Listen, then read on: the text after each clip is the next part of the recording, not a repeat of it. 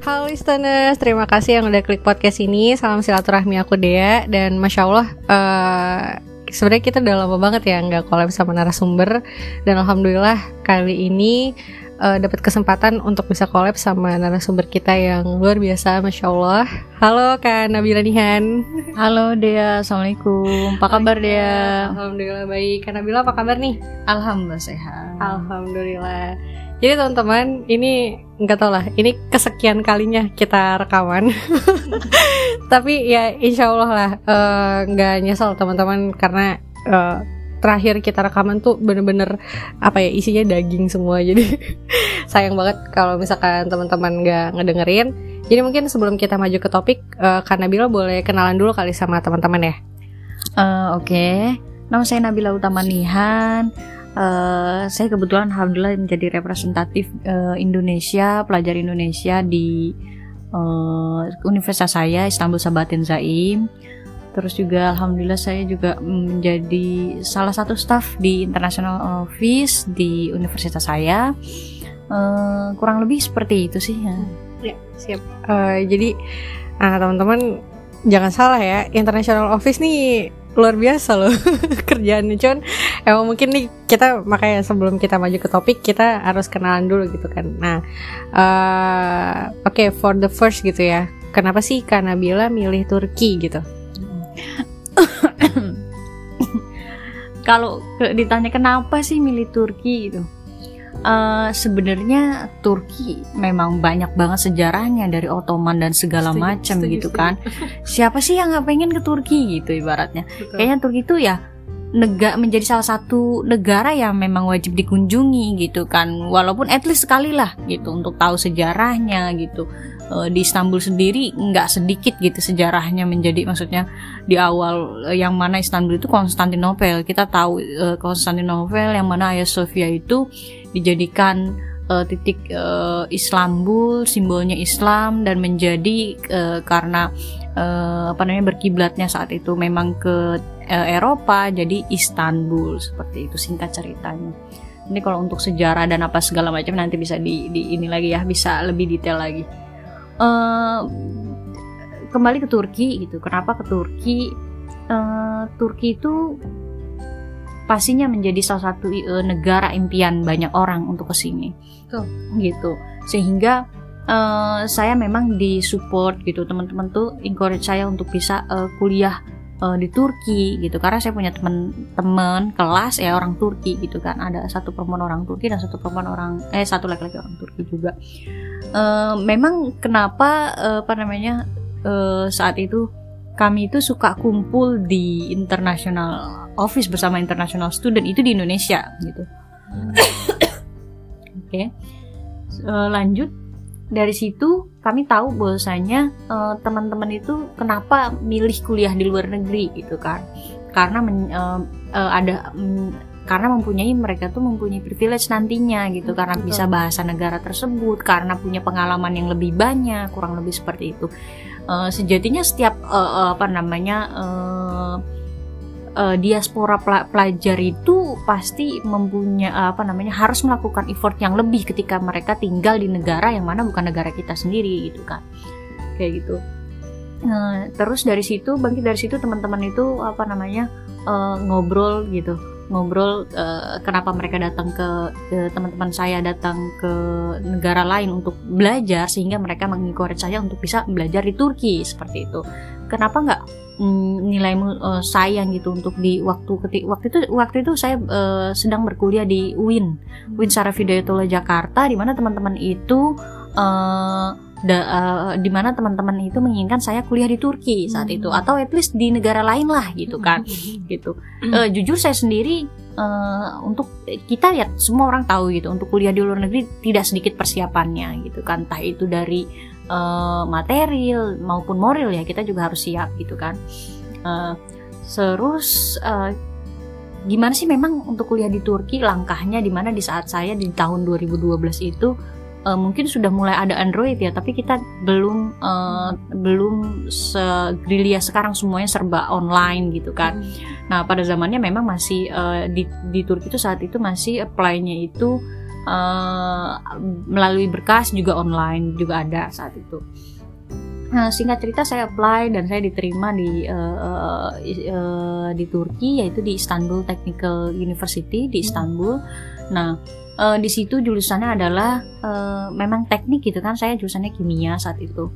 Nah, uh, tahun pertama gitu tahun pertama. Jadi saya sempat hanya satu tahun saja di sana gitu kan. Jadi tahun di universitas ini di tahun pertama itu saya merasa merasa memang tidak mudah gitu kan kuliah di teknik. Memang saingannya itu uh, banyak sangat kompetitif sekali. Teman-teman juga uh, memang bukan dari rata-rata kebanyakan mayoritas teman-teman itu anak-anak olimpiade dari Indonesia gitu kan yang memang olimpiade kimia, fisika, matematika dan segala macam gitu kan saat itu. Dan di mana uh, saya ber, uh, teman kelas saya yang mana orang Indonesia saat itu saya sendiri saat itu di mana saya menggunakan kerudung gitu kan itu menjadi tantangan gitu kan menjadi tantangan di saat uh, saat itu Turki itu terkenal masih dikenal liberal gitu kan seperti itu uh, singkat cerita ngobrol sama orang tua gitu. Gimana udah satu tahun di Turki di Unif gitu apa yang dirasakan gitu apa uh, kira-kira kapan nih lulusnya gitu. Uh, ditanya kapan lulusnya kami jujur ya saya jujur bingung gitu kan gitu. Karena kalau saya bilang uh, uh, jujur saya sendiri saya ngerasa mungkin gak sih bisa empat tahun atau tepat waktu gitu. Kayaknya sih enggak gitu dengan kenyataan dengan apa yang saya hadapi gitu kan. Saya mungkin uh, mungkin bisa sampai 4 5 tahun gitu ya satunya. Saya sampaikan itu jujur kepada orang tua saya. Karena siapa sih yang nggak ingin membuat orang tuanya bahagia gitu melihat anaknya uh, apa men menyelesaikan studinya terus juga bertambah prestasinya apa segala macam. Ya ingin membuat orang tua bahagia tapi uh, saya juga harus mengatakan faktanya apa yang saya rasakan saat itu uh, uh, sehingga ketika saya orang tua saya tahu di mana saya uh, keadaan yang saya rasakan adalah saat itu seperti itu. Secara psikologi juga orang tua mengerti, sehingga orang tua bilang, kenapa nggak coba apply lagi di Turki? Karena kan di Turki juga banyak universitasnya gitu kan. Dan Turki juga memang terkenal dengan dengan standar pendidikan yang baik gitu. Oke, okay? Akhirnya dari situ karena disupport dari orang tua juga gitu akhirnya saya apply ke beberapa universitas di Turki yang mana saya juga uh, uh, optimis pesimis gimana lah gitu. Kalau kita ya baiknya sih optimis terus gitu kan. Mm-hmm. kita dan saya juga nggak tahu uh, di univ mana sih nantinya saya akan kuliah gitu ketika itu. Hmm, sudah dari situ uh, dari situ saya lanjut kuliah ke IZU, lanjut kuliah ke IZU. Setelah itu, uh, ketika setelah dari setelah orang tua saya menyampaikan seperti itu, uh, saya pun apply ke beberapa universitas yang mana alhamdulillah keterima gitu kan, keterima di Ondok Usmais University. Itu ada di ada di kota Samsun, salah satu kota di Turki, terus juga di Adana, Çukurova University itu juga ada di salah satu kota di Turki, terus juga di apa Uluda gitu kan, Uluda itu di Bursa sama uh, itu yang awal tadi pertama Istanbul Teknik Unif gitu kan. Nah hanya satu Istanbul uh, di Bolu juga Bolu University. Nah itu cuma cuma apa namanya cuma Istanbul Technical University yang di Istanbul saat itu di mana orang tua saya ingin sekali uh, di, uh, saya kuliah dan saya di Istanbul uh, yang dikarenakan di keluarga juga ada usaha gitu kan kurang lebih kayak uh, apa umroh haji dan umroh travel kayak seperti itu yang mana eh, dibutuhkan saya untuk stay juga di Istanbul sehingga apakah saya melanjutkan universitas itu gitu kan di apa Istanbul Technical University dengan dengan beban yang saya rasakan? Apakah uh, atau saya ganti jurusan atau ganti ganti univ gitu kan? Uh, sehingga orang tua saya oke okay, gini uh, apa namanya daftar lagi gitu di universitas yang ada di Istanbul. Saat itu memang hanya satu-satu universitas yang di Istanbul yang masih buka gitu sehingga saya daftar gitu sama teman saya Ica gitu. Saya daftar setelah saya daftar um, kemudian saya dipanggil interview. Setelah saya dipanggil interview uh, saya, saya dipanggil interview di hari itu uh, saya datang saya menanyakan di mana international international office ketika saya di sudah di univnya gitu kan. Uh, saya mengatakan saya ingin saya dipanggil untuk interview dan saya ingin interview hari ini gitu. Ketika itu uh, saya diarahkan ke gedung rektorat. Nah, di gedung rektorat itu memang uh, rektor dan para dekan dan yang ada di uh, ruangan senato itu baru selesai meeting hmm. sehingga beliau-beliau mengambil saya kamu ingin ter, uh, interview gitu untuk masuk isu sini sini sini masuklah hmm. diajak masuk ke ruangan gitu kan diajak masuk ke ruangan itu sehingga beliau-beliau yang justru menginterview saya gitu kan Uh, beliau bertanya pakai bahasa Inggris, beliau bertanya pakai bahasa Turki, mayoritas dari beliau juga menanyakan bahasa Turki dengan bahasa Turki saya yang pas-pasan gitu kan, bahasa Inggris juga ya alhamdulillah gitu kan. Uh, di situ beliau uh, mena menanyakan gitu kan uh, background pendidikan saya bagaimana, terus keluarga bagaimana, cita-cita saya apa dan kenapa pilih Turki, kenapa uh, ingin uh, memilih jurusan apa dan kenapa ingin memilih jurusan tersebut. Kurang lebih seperti itu pertanyaannya. Uh, singkat cerita, alhamdulillah beliau menyukai jawaban saya dan beliau menanya, menawarkan gitu. Uh, uh, uh, ke jurusan saya saja, ke jurusan saya saja gitu. Beberapa dekan menanyakan apa, uh, menawarkan seperti itu, sehingga uh, ada statement bulume gecer sini sini kalau bahasa Turkinya seperti itu bulume gecer sini uh, iolur uh, kayak gitulah kayak gitu kurang lebih seperti itu nah terus saya juga uh, senang pastinya senang saat itu uh, dan saya ingin sekali um, kuliah menggunakan 100% bahasa Inggris hmm. di mana uh, apa uh, di mana jurusan itu yang memang ada satu-satunya jurusan yang 100% bahasa Inggris itu sastra Inggris. Hmm. Nah, uh, saya ambil kuliah itu gitu. Uh, pastinya ada kendalanya ada uh, suka dukanya gitu. Untuk suka dukanya nanti kita lanjutin di di, di pertanyaan berikutnya. Kayaknya uh, apa Mbak Dea juga punya pertanyaan ketika pengalaman suka dukanya di Turki gitu kan? Yeah. oke lanjut daripada itu uh, cukup itu sih hmm. perkenalan sekian nanti mungkin ada pertanyaan berikutnya kita hmm. lanjut ke pertanyaan berikutnya Ya betul, uh, masya Allah ya. Uh, apa ya? Jadi mungkin uh, teman-teman sekedar pengetahuan aja buat teman-teman gitu ya bahwasanya ketika kita kuliah di Timur Tengah, kita kuliah di kawasan Asia, terlebih sekarang nih di Amerika Eropa ya, itu tuh tantangannya beda-beda gitu dan mungkin ini salah satu tantangan kita kuliah di Eropa tuh sesuai kita harus punya nyali ya, kita harus punya keberanian untuk uh, facing problem apa yang di depan kita gitu. dan itu kayaknya um, yang dihadapin sama Kanabila gitu. Jadi kalau misalkan teman-teman tahu, teman-teman bisa searching aja tuh itu ya, Istanbul Teknik University ya hmm. itu bergengsi lah gitu dan memang susahnya Nozubila bahkan um, behind the scene kita sampai cerita gitu karena bila teman-temannya karena bila yang ada di sana itu benar-benar bukan yang biasa-biasa aja gitu yang tukang olimpiade gitu kan tapi malah justru sampai sekarang ya karena bila masih masih saya gitu jadi masih ya struggle. masih struggle lah untuk di sana nah jadi um, mungkin sekarang kayak apa ya tantangan uh, tantangan yang paling Kanabila hadapin tuh apa sih selama di Turki gitu? Uh, soalnya aku pernah de pernah dengar cerita juga dari Kanabila bahwasanya Kanabila sempat ada di mana ketika lira satu lira tujuh ribu. Iya nggak sih? 6, 6, uh, range 6 sampai tujuh ribu. Ah gimana tuh kak? Jadi gini uh, di saat itu ya memang uh, subhanallah sekali memang kita kan uh, harga di sini saat itu memang masih murah gitu kalau hmm. secara lira. Tapi kalau di convert ke Indonesia ya kalau satu liranya eh, enam uh, ribu itu ketika uh, apa namanya enam ribu itu kurs standarnya Indonesia uh, satu liranya berapa uh, Indonesia berapa rupiah gitu kan enam ribuan. Nah, tetapi kalau misalnya kita mau beli rupiah dari Indonesia itu sekitar tujuh ribu. Karena waktu itu tante saya di di tahun di mana saya baru datang tante saya juga berkunjung ke Turki gitu. Hmm, uh, kembali ke suka dukanya ya, hmm. suka dukanya di Turki gitu. Saat itu alhamdulillah kami dapat beasiswa di mana beasiswanya itu uh, full full beasiswa gitu kan uh, dari living cost dan tuition fee segala macam itu. Hmm.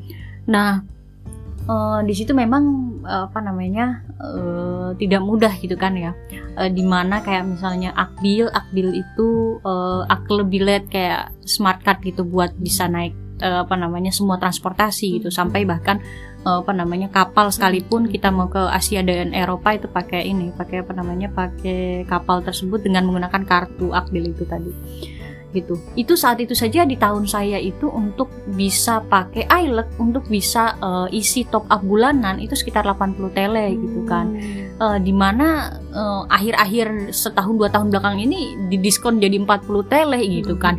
Dan kursnya itu udah 1000 bahkan kurang lebih range 1000 sampai 2000 di satu tahun dan dua tahun belakangan ini di tahun 2012 saat itu kurang lebih 6000 ke, kalau beli itu seperti yang tadi saya bilang kan 7000 itu waktu itu tante saya beli 7000 saya juga kaget. Memang uh, mahal sekali sehingga memang semuanya kita menghemat sangat menghemat gitu kan. Di saat itu di saat itu saya ingat sekali kalau keluar tuh kita memang ya ya memang apa bawa botol minum, bawa bekal apa segala macem lah ya. Ya kayak misalnya di Eropa juga teman-teman juga tahu lah di apa kalau di Turki ada cesme jadi air bisa diminum gitu kan cesme kayak keran minum gitu. Nah kalau di Eropa juga banyak kok di Univ-Univ juga ada keran-keran yang memang untuk mengisi tempat minum seperti itu. Nah hmm, lanjut daripada itu uh, kesulitan. Nah kesulitan itu kembali kepada uh, di masa oh ya kalau untuk ini kalau untuk kesulitan tadi yang minum ya makan ya apa segala macam itu kita pernah sama teman-teman PPI di tahun 2012 mungkin itu uh, ketua PPI pertama kali ya namanya Firdaus Guritno hmm. itu uh, saat itu kita kumpul untuk apa namanya uh, pertama kalinya KJRI eh, KJRI uh, ada di daerah Eyüp gitu kan hmm. nah di situ uh, apa namanya kita kumpul waktu pemilihan PPI kita kumpul di salah satu kafe lah gitu. Kita uh, jadi ya udah kayak mau pesen chai gitu mau pesen teh atau segala macam itu ya emang kalau emang yang ada uang atau yang ini kalau nggak berhemat kalau kita lagi berhemat banget bener-bener kayak kita mesen mesen borek tuh satu piring buat bareng-bareng. Dan boreknya tuh yang sade lagi yang bener-bener plain yang tawar gitu ya yang paling murah lah ibaratnya kayak gitu kan. Itu kita makannya bareng-bareng lucu sih kalau inget-inget itu kayak gitu. Nah ya kalau sekarang maksudnya dengan kurs yang seperti ini semua orang bisa belanja maksudnya semua orang bisa bebas seperti layaknya tinggal di Indonesia kalau yang sekarang gitu. E, kami pun alhamdulillah e, uh, apa sih dengan kurs yang sekarang semua orang seperti tinggal di Indonesia biasa aja. Kalau yang waktu itu ya alhamdulillah ya, apa masya Allah subhanallah mahal sekali gitu sehingga kita harus berhemat gitu. Uh, kembali ke poin tadi ya suka dukanya apa ya banyak sih kalau dibilang gitu. Kalau uh, uh, sukanya di awal uh, apa namanya uh, uh, dukanya dulu deh gitu. Dukanya ketika saya tahu 100% bahasa bahasa Inggris gitu kuliahnya. Ternyata di beberapa semester ke depan se, uh, dari semester pertama kedua da itu oke okay, gitu. Karena memang full Turkish eh full English gitu kan 100% bahasa Inggris dan um, apa namanya IPK saya tuh alhamdulillah gitu. Nah, itu kalau menurut saya ya Allah uh, apa namanya di univ ini dengan jurusan ini mungkin saya saya merasa cocok dan nyaman sekarang hmm. sebelumnya. Kayak misalnya uh, apa namanya di Indonesia gitu kan. Saya jurusannya hmm. biologi gitu. Ketika di biologi itu uh, apa namanya itu harus uh, menyatu dengan alam gitu. Ternyata saya di situ sadar kalau saya maksudnya uh, bukan uh, bukan itu passion saya gitu kan. Karena saya belum merasa nyaman dengan itu uh, lanjut ketika saya di Turki ini uh, apa namanya uh, kesulitannya adalah yang saya tahu 100% bahasa Inggris ternyata ada pelajaran formation. Hmm. Nah, formation itu pelajaran-pelajaran uh, yang di mana ketika kita mengambil pelajaran tersebut di akhir uh, kelulusan kita ijazah kita kita mendapatkan ijazah di mana ijazah itu bisa digunakan untuk bisa mengajar di Turki hmm. ataupun kita bisa apa namanya uh, buka kursus untuk mengajar jadi gitu kan uh, uh, lembaga untuk mengajar karena kita juga sudah apa sudah mengambil mata kuliah formation tersebut gitu. Uh, kalau di Indonesia nya apa ya? Kayak misalnya sekolah formation itu kalau dia tahu misalnya mengajar sekolah mengajar. Kalau misalnya bahasa Inggris mungkin kayak PGTK apa segala macam ya mungkin lebih kepada SPD kayak gitu kayaknya setara dengan apa namanya pendidikan gitu sarjana pendidikan gitu.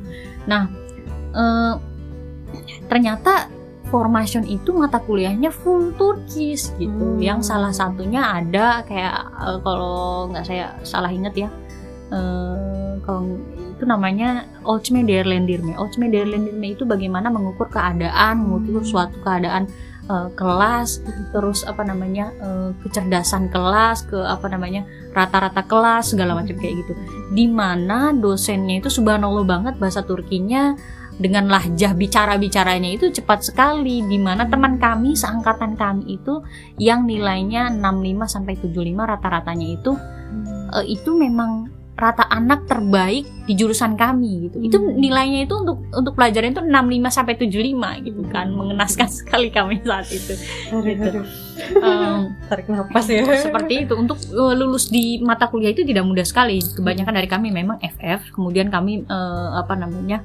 Eh, butun leme gitu kan. Butun leme itu kayak remedial gitu. Gitu kita ngambil lagi Eh, alhamdulillah di ujian yang kedua kami dapat nilai 70 gitu. Saya khususnya waktu itu dapat 70 eh nothing dulu sih saya lebih ke yang ya udahlah gitu kan pokoknya eh, pelajaran ini saya harus lulus gitu. Ternyata eh, full belajar bareng sama orang Turki, diajarin di ini segala macem semua slide apa kayak gitu dengan bahasa Turki akhirnya lulus juga eh, apa mata kuliah tersebut ya itu yang menjadi eh, sangat berkesan sekali berhari-hari berminggu-minggu saya mempelajari mata kuliah tersebut jadi bagi saya agak sedikit jujur trauma kalau Hmm. untuk bisa kuliah eh bisa apa namanya trauma untuk mengulang eh, apa namanya kayak kayak kayak kayak kayak butun leme gitu kayak Hmm. remedial mata kuliah itu jadi kayak trauma karena Hmm. menurut saya harusnya saya belajar di awal sehingga dengan ujiannya itu saya eh, nggak harus butun leme gitu sebenarnya.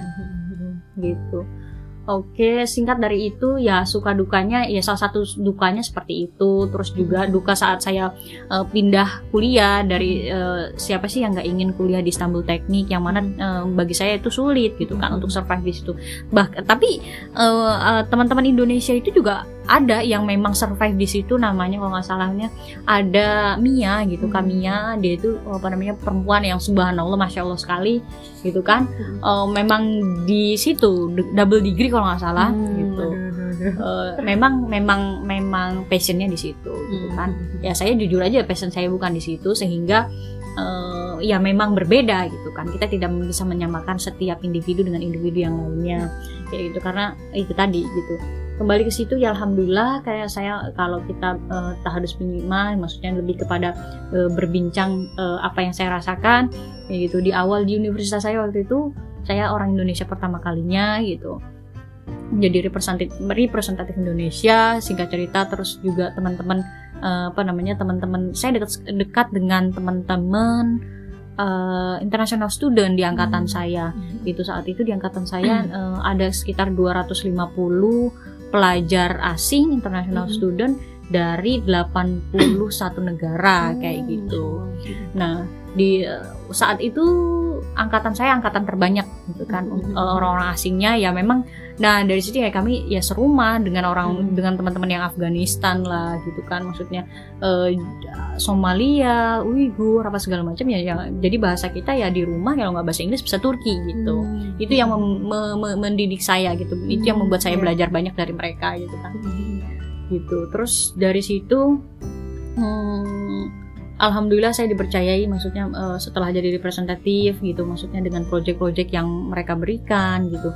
Terus juga lanjut menjadi apa namanya akhirnya direkrut jadi staff juga di international office kayak gitu. Eh, alhamdulillah banyak belajar ya banyak belajar gitu. Teman-teman di eh, apa eh, eh, ini apa namanya atasan saya juga memang mendidik gitu kan. Maksudnya eh, sangat mem- memberi banyak ilmu gitu kan beliau itu eh, atasan saya itu Fatih Hoja yang mana kurang lebih itu kurang lebih sudah 50 sampai 60 negara di yang sudah beliau kunjungi gitu kan. Kalau misalnya teman-teman naik Turkis ke apa namanya ke Afrika di situ ada eh, video beliau. Terus juga eh, beliau menjadi salah satu pertama kali penerbangan Turkis yang diadakan ke Afrika. Beliau berangkat ke Afrika pertama kali gitu. Eh, terus juga eh, banyak banget lah kalau misalnya bicara negara yang di Afrika tuh bukan cuma satu eh, apa eh, satu dua negara. Beliau dua bulan itu mengunjungi berapa negara ya? Pokoknya udah cerita tuh kemarin banyak banget sekitar 50 negara kayak gitu. Belum Eropa, Eropa Ti- Timur gitu kan. Hmm. terus juga eh, di Eropa Timur itu sedalam seminggu beliau sembilan negara kayak gitu mengunjungi segala macam. Karena emang beliau yang punya salah satu eh, ini kan program internasional programnya di Turki gitu. Hmm. di IZU bahkan juga di apa namanya eh, Turki yang Ma'arif Vakfur gitu. Kayak gitu. Terus eh, lanjut daripada itu beliau yang membimbing saya itu suka sukanya menurut saya eh, dukanya tadi sukanya adalah uh, beliau membesarkan kita sama-sama dengan pelajar-pelajar uh, apa international student itu kita diajarkan untuk uh, apa namanya uh, dimasukkan ke proyek-proyek yang besar gitu kan ya itu yang membuat uh, kami berkembang gitu hmm. jujur gitu kan uh, terus apalagi banyak sih yang kalau mau dibilang hmm. gitu semuanya uh, kalau menyeluruh satu persatu mungkin nggak uh, bisa tersebut semuanya tapi uh, jujur buat teman-teman yang ingin uh, apa namanya kuliah di luar negeri um, Bismillah gitu. Apa pun uh, niat kalian bagaimana gitu bagaimana niat kalian ingin berangkat dan bangkit. Uh, tidak melulu uh, apa namanya uh, orang tua kami misalnya uh, mampu atau tidak mampu misalnya orang tua kami tidak mampu gitu. Tidak selalu berpikiran eh, tidak tidak tidak tidak menjadi kendala bahwasanya kita uh, orang tua kami seperti ini jadi nggak mungkin apa melihat teman-teman yang bisa keluar negeri atau kayak gimana. Tidak karena justru karena banyak juga beasiswa yang memang uh, oleh negara bahkan tidak harus dari negara Indonesia sendiri. Di Indonesia sendiri memang sudah ada LPDP dan beasiswa lainnya. Banyak juga teman-teman yang di Turki ini yang saya lihat memang beasiswa uh, negara atau beasiswa ETB dari Turki sendiri. Turki Buslare terus juga beasiswa daerah ada yang dari beasiswa uh, ada beasiswa partai juga gitu. Jadi teman-teman banyak sebenarnya beasiswa di Indonesia itu ada beasiswa Kaltim, ada beasiswa jadi apa namanya uh, per daerah Basnas Lasnas juga memang ngirim hmm. beasiswa jadi nggak usah takut memang di daerah kalian nggak usah jauh-jauh cari di daerah sekitar kalian yang mereka juga uh, apa mensupport untuk memberikan beasiswa itu untuk kalau dari ini ya kalau dari Indonesia sendiri gitu hmm. kalau dari Turki itu banyak sekali uh, apa namanya NGO NGO yang bisa memberikan kalian beasiswa entah itu dari tuition fee-nya gitu pembayaran perkuliahan ataupun living cost-nya gitu hmm. seperti itu dan untuk teman-teman yang apa namanya yang dalam keluarga yang berada gitu uh, apa namanya tidak tidak melulu kita harus apa namanya uh, tak tamit atau uh, depend apa bersandar terus dengan orang tua bahwa sejatinya kita nggak pernah tahu sampai kapan orang tua itu bersama kita gitu kan. Kita ingin membahagiakan beliau juga gitu. Uh, uh, alangkah lebih baiknya kalau kita uh, juga bisa berdiri di kaki kita sendiri gitu kan uh, ya pastinya tidak luput dengan uh, semuanya dengan doa orang tua gitu vertikal horizontalnya uh, kita apa namanya uh, vertikalnya bagaimana kita sama Allah kita berdoa ya nggak mungkin kalau kita nggak berdoa ya pastinya kita sombong terus gimana hmm. usaha kita horizontalnya kita horizontal kita bersama muamalah sama teman-temannya sama sama ke, keluarga sejawat terus teman-teman apa segala macam dengan kerabat gitu kan horizontalnya kita bagaimana muamalah sama uh, temen gitu kan bersosialisasinya kita seperti apa kayak gitu. Itu yang membuat uh, kita juga bisa bangkit dan termotivasi dari lingkungan sekitar maupun dari pastinya lebih baik dari diri sendiri gitu. Itu aja sih. Ah siap. Keren banget ya guys. Sampai terdiam nih. Tapi ya karena bila kan berarti karena bila tuh bagi mahasiswa terus juga kerja juga gitu kan dan uh, mungkin uh, pasti ada transisi lah kehidupan ketika Kak Nabila masih single dan sekarang udah berkeluarga. Tapi at least nih pas Kak Nabila lagi hektik-hektiknya berarti dalam satu hari Kak Nabila tidur berapa jam? Jadi kira-kira rutinitasnya gimana tuh? Kalau dibilang rutinitas ya, kalau saya bilang dari awal, jujur dari awal pertama kali saya datang itu hmm, di 2012 itu uh, uh, apa namanya karena masih ada persiapan apa kayak gitu. Agak masih luang di awal-awal agak masih luang. Terus saya uh, kemudian merasakan uh, dalam titik posisi yang kurang baik gitu kan saya harus maju lagi belajar gitu kan. Dan di universitas saya waktu di teknik itu memang 7 kali 24 jam uh, apa perpusnya buka gitu. Dan bahkan kadang juga memang disupport kayak corba apa chai segala macam. Memang emang kayak ada teh juga ada ada sup gitu kan krim sup juga di kampus seperti itu. Untuk bisa selalu belajar gitu kan. Uh, singkat cerita salah satu di ujian saya juga uh, membu yang membuat saya itu uh, down. Saya sudah demikian belajarnya tapi nilai saya kurang lebih masih standar saja gitu kan. Sampai di mana ujian juga saya pingsan. Saya kayaknya uh, udah mungkin kayak bukan di situ di titik saya yang memang berbicara uh, dengan orang tua bahwasanya uh, oke okay, uh, uh, apa uh, pindah jurusan itu tadi yang seperti uh, apa namanya cerita sebelumnya. Terus kalau misalnya di Istanbul Teknik ini uh, S1 dari S1 itu saya apa namanya aktif di PPI gitu kan. Hmm. Terus juga aktif di IKPM juga organisasinya salah satunya.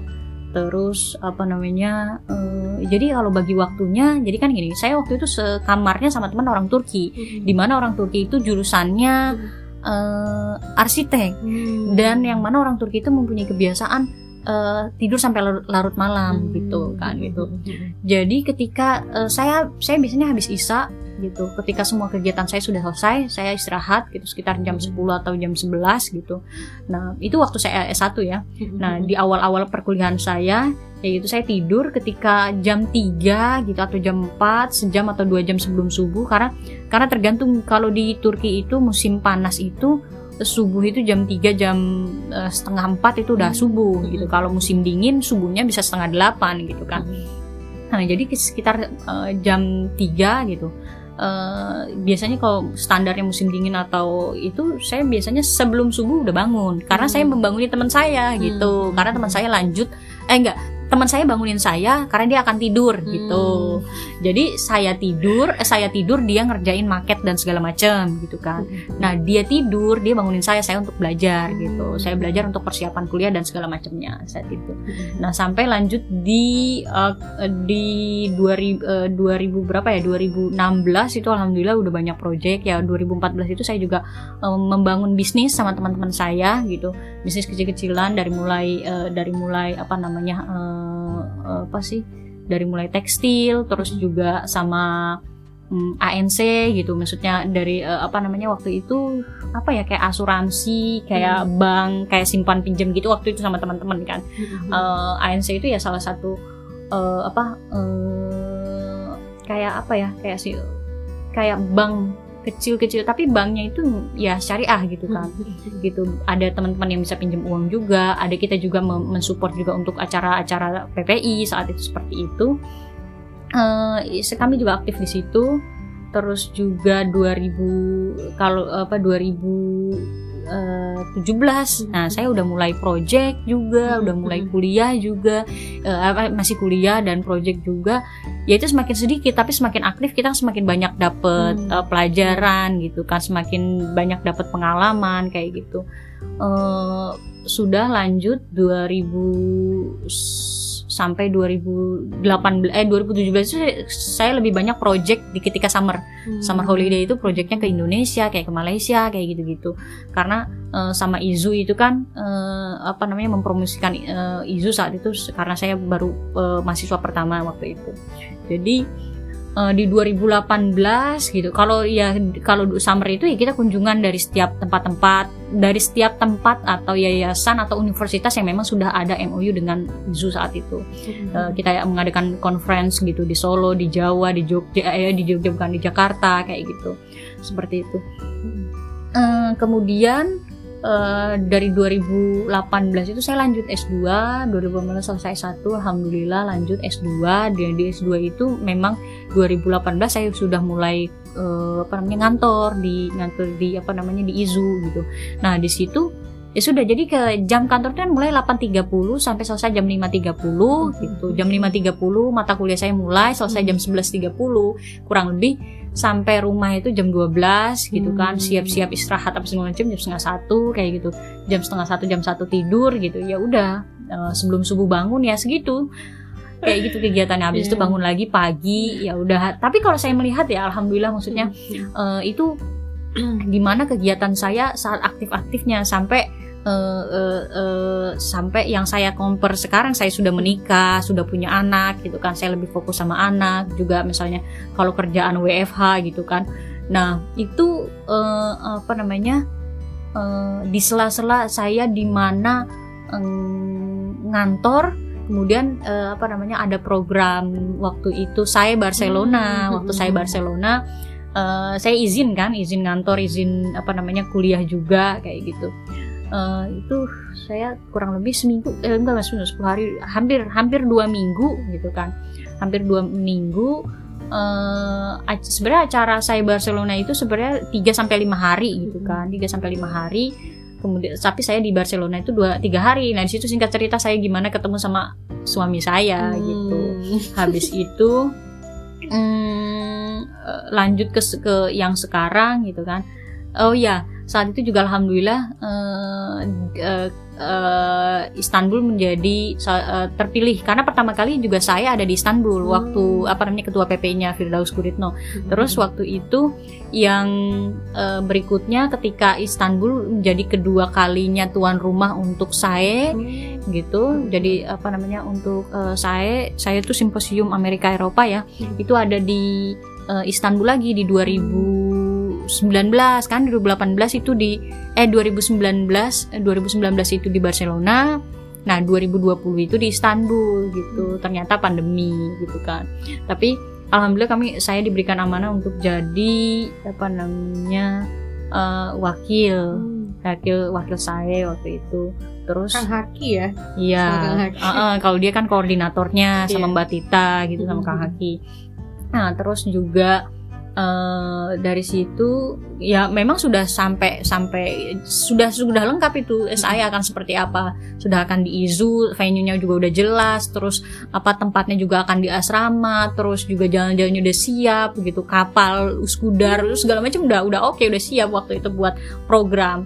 Nah singkat cerita uh, tepat di bulan Maret ya kan kita lockdown itu tahu pertama kali iya. di Turki uh, lockdown itu Maret. Jadi hmm. uh, harusnya harusnya saat itu uh, uh, sebulan atau ya sebulan lagi akan ada saya ya, jadi saya ini berubah menjadi online hmm. uh, sudah itu sih kegiatan saya nggak nggak hmm. ya sekitar dari situ hmm. kurang lebih seperti itu jadi gini-gini ada istilah kupu-kupu kuliah pulang terus kunang-kunang kuliah nangkring hmm. terus ada kura-kura kuliah rapat kuliah kerja jadi kayaknya karena Bill ini semuanya dapat gitu. Kayak tempat nongkrong tempat apa jalan jalan-jalan di Turki. Hafal tempat cara nyari peluang kerja bisa gitu nyari beasiswa juga bisa. Jadi kayaknya aduh paket lengkap banget gitu kan karena bilang maksudnya bener-bener apa ya ini buat motivasi juga buat teman-teman. Jangan sampai apa ya kita selama kuliah di luar negeri terus uh, kita cuman puas dengan kuliah terus pulang terus jalan enggak gitu loh. Tapi jadi coba cari peluang atau cari pelajaran yang benar-benar bisa bermanfaat banget buat hidup. Karena ya kalau misalkan masa muda kita cuman gitu-gitu aja apa yang mau diceritain gitu kan ya kayak selama kita udah kan kalau kayak gini karena bila bener-bener kayak berudul gitu. Ini belum nyampe dua jam nih. Maksudnya udah bener-bener masya Allah gitu kan paket lengkap banget lah uh, bahwasanya uh, ketika kita kuliah terus kita punya uh, pengalaman jatuh bangun belum lagi kita uh, bisa berorganisasi karena itu juga buat muamalah kita ya gimana ininya terlebih punya pengalaman kerja gitu itu kayak sesuatu yang masya Allah. Jadi kan karena bila ini ngerangkap-rangkap kan bahasa Turki bahasa Inggris gitu kan dan muamalahnya bukan hanya dengan orang Indonesia aja tapi sama orang Turki juga sama uh, teman-teman mahasiswa di perhimpunan pelajar juga gitu kan. Bahkan uh, kebetulan aku juga di PPI juga dan banyak banget kawan-kawan PPI pasti yang kenal Kanabila karena di saya Barcelona juga gitu kan sama Mas Iam. Kalau Mas Iam dengerin nih. Terus ada Mas Arya ya, ya. kalau kalau yang apa sih tim Tengka itu hmm. berarti apa Mas Iam sama Mas Neza ya, ya kan? waktu itu Mas Arya tuh mana sih? Lupa uh, aku juga lupa. Uh, tapi Mas Arya itu ini apa koordinator uh, yeah. SAE 2018. Uh, sebelumnya. Sebelumnya Kang Haki kayak gitu. Kalau Kang Haki kan yang uh, yang pas waktu saya jadi saya gitu kan, temennya wakil saya kayak gitu. Iya. Ya, pokoknya teman-teman rugi banget teman-teman apalagi khususnya yang di Turki terus nggak dengerin ini ya ampun. Ya pokoknya harus banget ngikutin apa ya jejak kayak Kanabila lah. Dan nih Kanabila ini pasti bakal jadi mahasiswa mahasiswa legendaris lah ya yang di Turki. Pasti apa ya uh, jarang gitu ada uh, mahasiswi terus memang bener-bener curiosity-nya itu tinggi gitu kan. Bener-bener memanfaatkan waktu dan pengalaman. Nah kira-kira kalau misalkan Kanabila keluar nih uh, apa sih pesan Kanabila buat teman-teman yang masih di Turki atau mungkin mau keluar negeri dan Eh, kata-kata uh, penyemangat Kanabila untuk teman-teman supaya tetap survive uh, studi di luar negeri. Oke, okay. kalau untuk itu saya menjadi sebenarnya gini, uh, titik bangkit saya uh, di mana uh, apa namanya um, uh, uh, di sekeliling orang-orang yang memang selalu mensupport saya itu uh, yang pasti yang pertama ya nggak luput kita itu bagaimana kita itu pasti seorang anak itu dari doa orang tuanya gitu kan. Uh, apa namanya doa orang tua usaha kita yang mau bagaimana niat kita juga gitu. Kenapa niat itu menjadi uh, terutama? Karena itu juga yang dibahas di salah uh, hadis pertama di hadis arba'in gitu kan. Hmm. mau mau kita seperti apa pun niat kita bagaimana gitu kan. Nah uh, apa namanya uh, saya jadi teringat dengan uh, poin di mana saya kenapa bisa menjadi representatif Indonesia gitu karena waktu itu kan saya menjadi pelajar salah satu pelajar uh, uh, pelajar awal di di universitas saya kan gitu kan uh, terus saat itu saya bertemu dengan apa namanya salah satu guru saya di mana itu pertama kali saya ketemu dengan beliau face to face di Istanbul bersama uh, almarhum Ustadz Dihya. Nah, itu itu di situ di mana saya uh, bangkit untuk bisa uh, berhubungan apa apa mempunyai program bers, antara Indonesia dengan Turki gitu kan. Hmm. Nah, karena saat itu beliau kunjungan ke uh, bersama Ustadz Hamid ke Izu itu di tahun 2014 kalau nggak saya ingat ya. Uh, hmm. eh, 2014 kalau saya nggak salah tanggalnya tahun kapan gitu.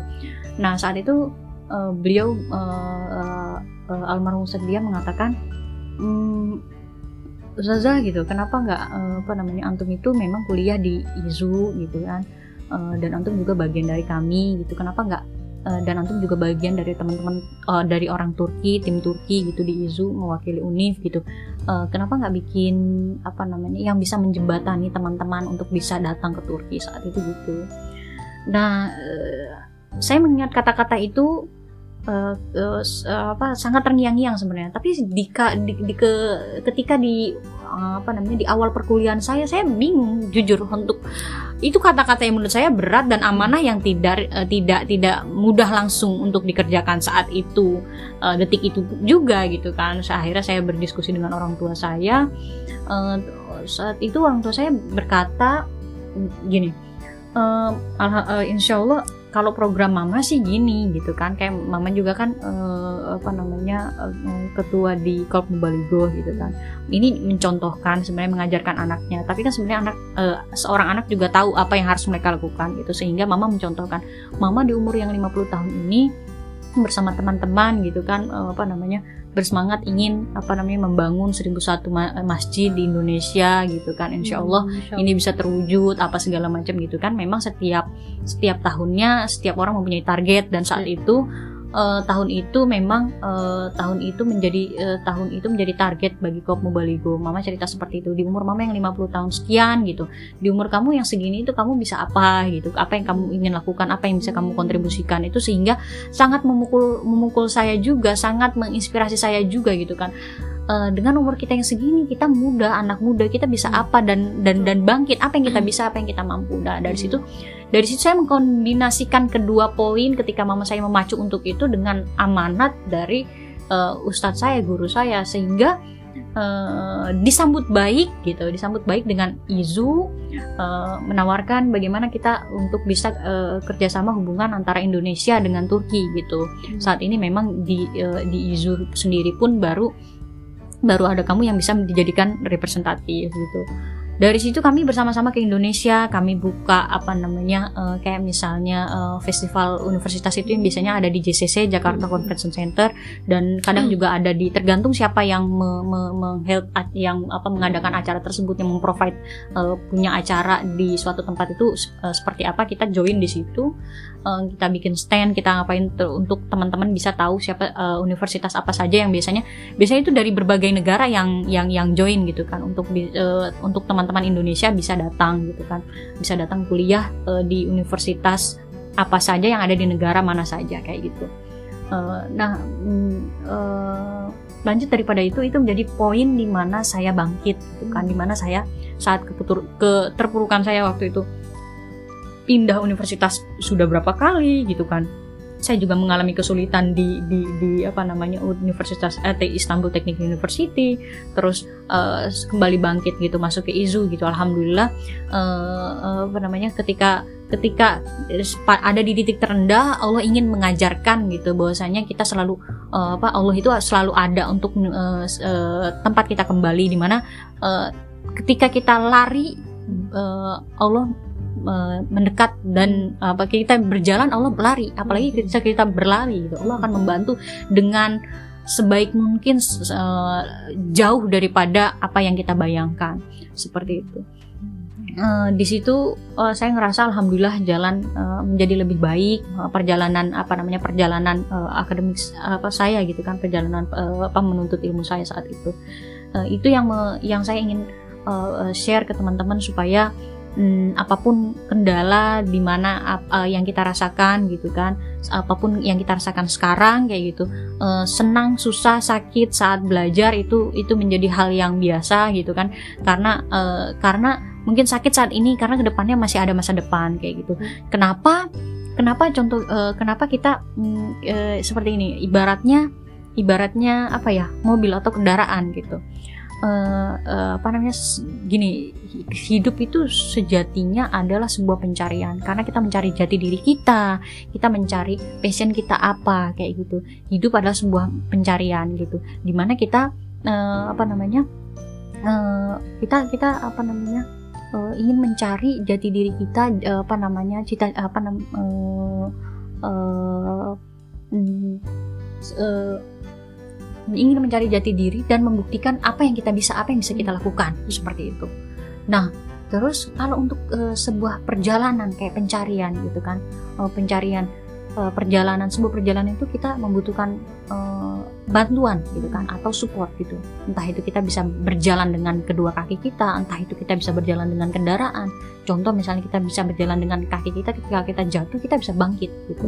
Tidak semestinya tidak tidak selalu harus kita punya uh, kendaraan kita kita juga uh, tidak tidak melulu kita harus punya kendaraan kita baru bisa jalan gitu. Tapi dengan kendaraan contoh misalnya entah itu motor, entah itu mobil, contoh ini kiasan ya. Contoh entah itu motor, entah itu mobil, coba lihat. Kaca spion tuh kecil. Kaca spion tuh kecil. Kenapa kecil? Kaca spion tuh untuk melihat ke belakang, ke masa lalu. Memang kita hmm. melakukan kesalahan, melakukan kebenaran, kita punya prestasi di masa lalu itu menjadi support buat kita atau kita punya kegagalan-kegagalan di masa lalu itu menjadi apa namanya uh, kaca ukuran. Kalau kita pernah sukses ataupun kita pernah gagal di masa lalu tapi kita masih punya masa depan yang luas gitu. Ketika ketika kita jalan dengan mata kita kedua mata kita dengan luas gitu kan. Masih ada masa depan yang luas yang masih kita bisa gambarkan kita masih bisa ukir masih kita bisa warnai gitu. Masih kita bisa uh, apa namanya uh, tata dengan baik gitu bangkit terus gitu kan. Uh, seberapa pun sakit kita jatuh kita masih punya kesempatan. Nah hmm. kesempatan itu yang tidak semua orang punya. Makanya ketika mempunyai kesempatan ambil lakukan dengan dengan baik dan yang terbaik. Hmm. kayak gitu. Coba ya itu tadi apa namanya uh, spion itu sebagaimana kita melihat masa lalu kita. Sedangkan apa namanya um, kaca mobil besar itu lebih kaca mobil depan tuh lebih besar gitu hmm. mobil.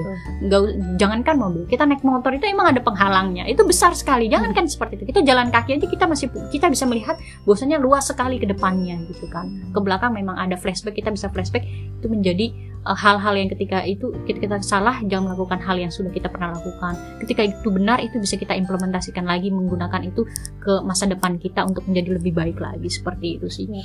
Jadi menurut saya apa namanya uh, apa uh, apa jadi menurut saya bahwasanya uh, semuanya itu tergantung dengan niat kita seperti apa kepada diri kita juga.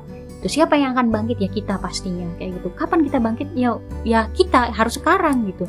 Nunggu kapan kita bangkit gitu kan gitu. Uh, kapan kita harus bangkit? Pastinya sekarang. Dan siapa yang harus apa namanya bangkit? Ya kita. Harus dimulai dari diri kita dulu gitu, untuk bisa uh, untuk bisa bermanfaat untuk orang sekeliling kita kayak gitu.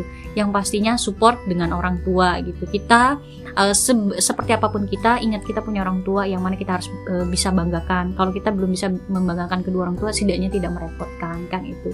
Karena beliau juga akan lanjut usia dan hidup akan berputar sejarah akan kembali terukir sejarah akan kembali tertulis bagaimana kita membahagiakan orang tua kita. Seperti itulah masa depan kita uh, uh, anak kita keturunan kita akan membahagiakan kita kayak gitu siap siap masya allah Wah, udah kayak dapet apa ya? kayak dapet motivator dadakan nih. Jadi uh, apa ya, teman-teman banget apa ya? Karena bilangnya jadi sebagai mahasiswi, apalagi sekarang udah sebagai ibu juga, sebagai istri juga.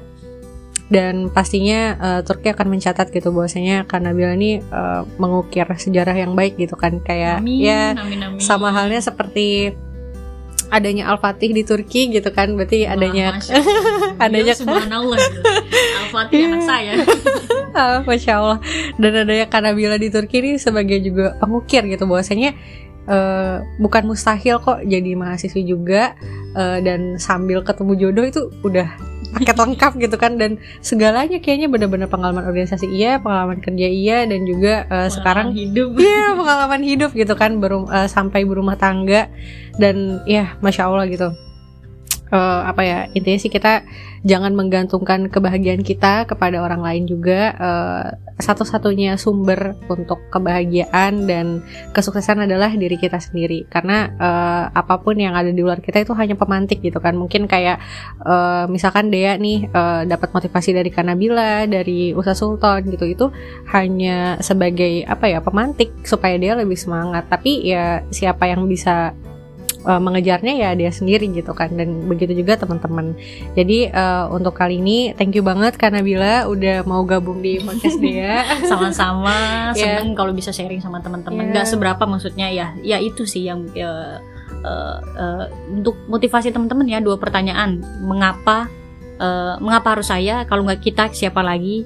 Eh, kena eh, terus kapan kita harus lakukan? Kayak gitu. Ya kalau nggak sekarang kapan lagi? Kita nggak pernah tahu. No sampai kapan kita bisa hidup gitu kan? Siap big nya tekenin big nya lagi. Thank you banget Kak Nabila udah mau gabung dan semoga teman-teman juga seneng. Dan terima kasih juga teman-teman yang udah ngeri- ngedengerin sampai akhir. Jazakumullah khairan. Wassalamualaikum warahmatullahi wabarakatuh